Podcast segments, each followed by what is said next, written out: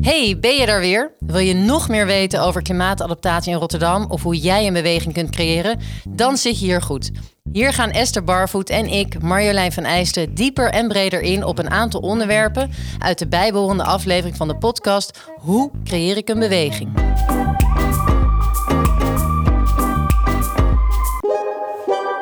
Ha, luisteraar. Welkom bij deze bonus van aflevering 6, waarin wij langer doorpraten met Jannes Willems, researcher aan de Universiteit van Amsterdam.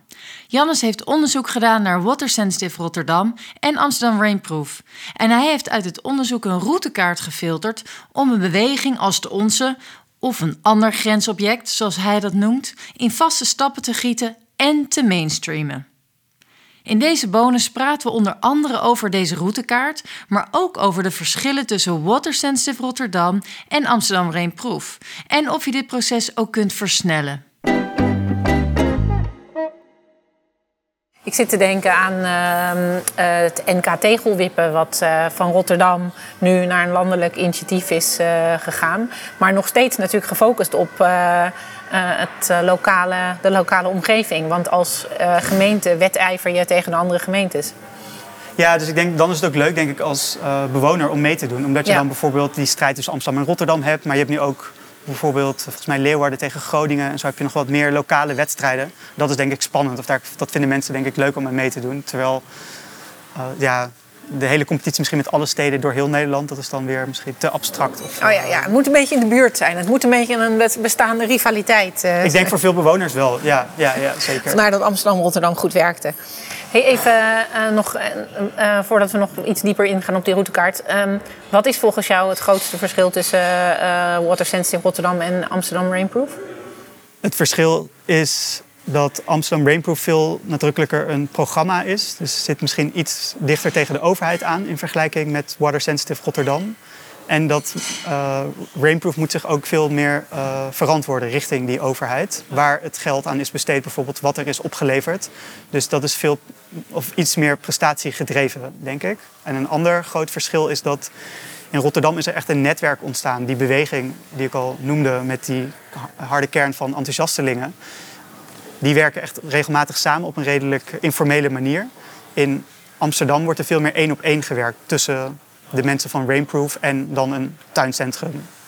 Een ehm, sociale woningbouwcorporatie bijvoorbeeld of een buurtinitiatief. Dus daar zie je veel minder een netwerk onderling ja. bestaan. Ja. Hey, en, en even terug naar, uh, naar jouw uh, routekaart. Uh, kan je vertellen wat de, hoeveel stap, uit hoeveel stappen bestond je routekaart? We hebben tien stappen gemaakt in die routekaart. Tien stappen, ja. mooi. Ik denk dat dat, goed, dat, dat een uh, goed realisatiepunt is om daar inderdaad ons gesprek mee af te ronden. Dat het dus niet, het is, het is niet dat je die uh, uh, routekaart kan copy-pasten, tjak, tjak, tjak. we voeren dat even snel door en over twee jaar hebben we een klimaatadaptieve stad. Maar het geeft wel een richting van hoe het zich kan ontwikkelen. Maar je moet toch op elke plek zelf dat netwerk weer gaan opbouwen. Mm. En zelf uh, met elkaar dat gemeenschappelijke verhaal ontwikkelen. Ja, precies. Dus dat gemeenschappelijke verhaal is overal anders. Er zullen andere accenten worden gelegd. En ik denk met dat mainstreaming is wel nog van belang dat bepaalde concepten die dan gezamenlijk zijn ontwikkeld, worden dan soms uit de context uh, gehaald als ze binnen een eigen organisatie worden ge uh, gebruikt. En dat is ook wel gevaarlijk. Dus bijvoorbeeld um, Amsterdam Rainproof heeft het idee van community management ontwikkeld om ja. uh, op gelijkwaardige basis te werken met partijen in de stad dat wordt nu door Waternet gekopieerd. Te zeggen, we gaan ook community management uh, doen. Dat is belangrijk, we zien daar het nut van in. Maar dan wordt het al heel snel meer traditioneel stakeholder management. Dus dat je toch wat meer eigenlijk het gaat opleggen aan stakeholders. Uh, en dat het niet meer zo gelijkwaardig is zoals Rainproof het had bedoeld. Uh, en dat zie je denk ik ook tot op zekere hoogte bij Water Sensitive Rotterdam we hebben ook wel collega's bij de gemeente Rotterdam gesproken die soms kritisch waren wat daar gebeurde. Omdat zij bijvoorbeeld in key performance indicators uh, dachten. En dat staat eigenlijk haaks op ja. wat uh, uh, Water Sensitive voor staat. dus, maar dat, uiteindelijk moet dat op een bepaalde manier wel bij elkaar komen. Ja. want anders kunnen bijvoorbeeld bepaalde waterbeheerders binnen de gemeente er eigenlijk niks mee. en dan blijft het wat zweverig voor ze. Ja, dat is ook zo. En toch moet je elke keer weer met elkaar die, die gelijkheid binnen die groep uh, bewaken. En van wat is dat nou? Wat is nou echte gelijkheid, inderdaad? Uh, uh, hoe, hoe ziet dat eruit? Hoe geef je dat vorm? En dat is inderdaad niet iets wat je kan opleggen. Nee, precies. En ik denk hoe langer je hiermee bezig bent, hoe meer mensen ook het belang daarvan zien. En Ja. ook eh, de waarde daarvan zien. Ja. Maar dat is in het begin volgens mij echt pionieren dan.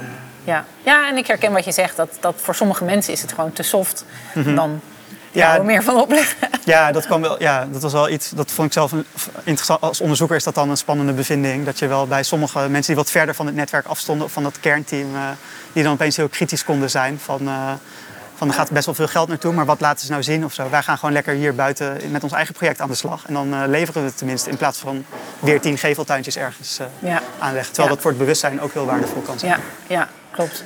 Nee, eh, het, eh, het, het, het netwerken en de groep opbouwen en het bewustzijn verspreiden is een belangrijk onderdeel, ja.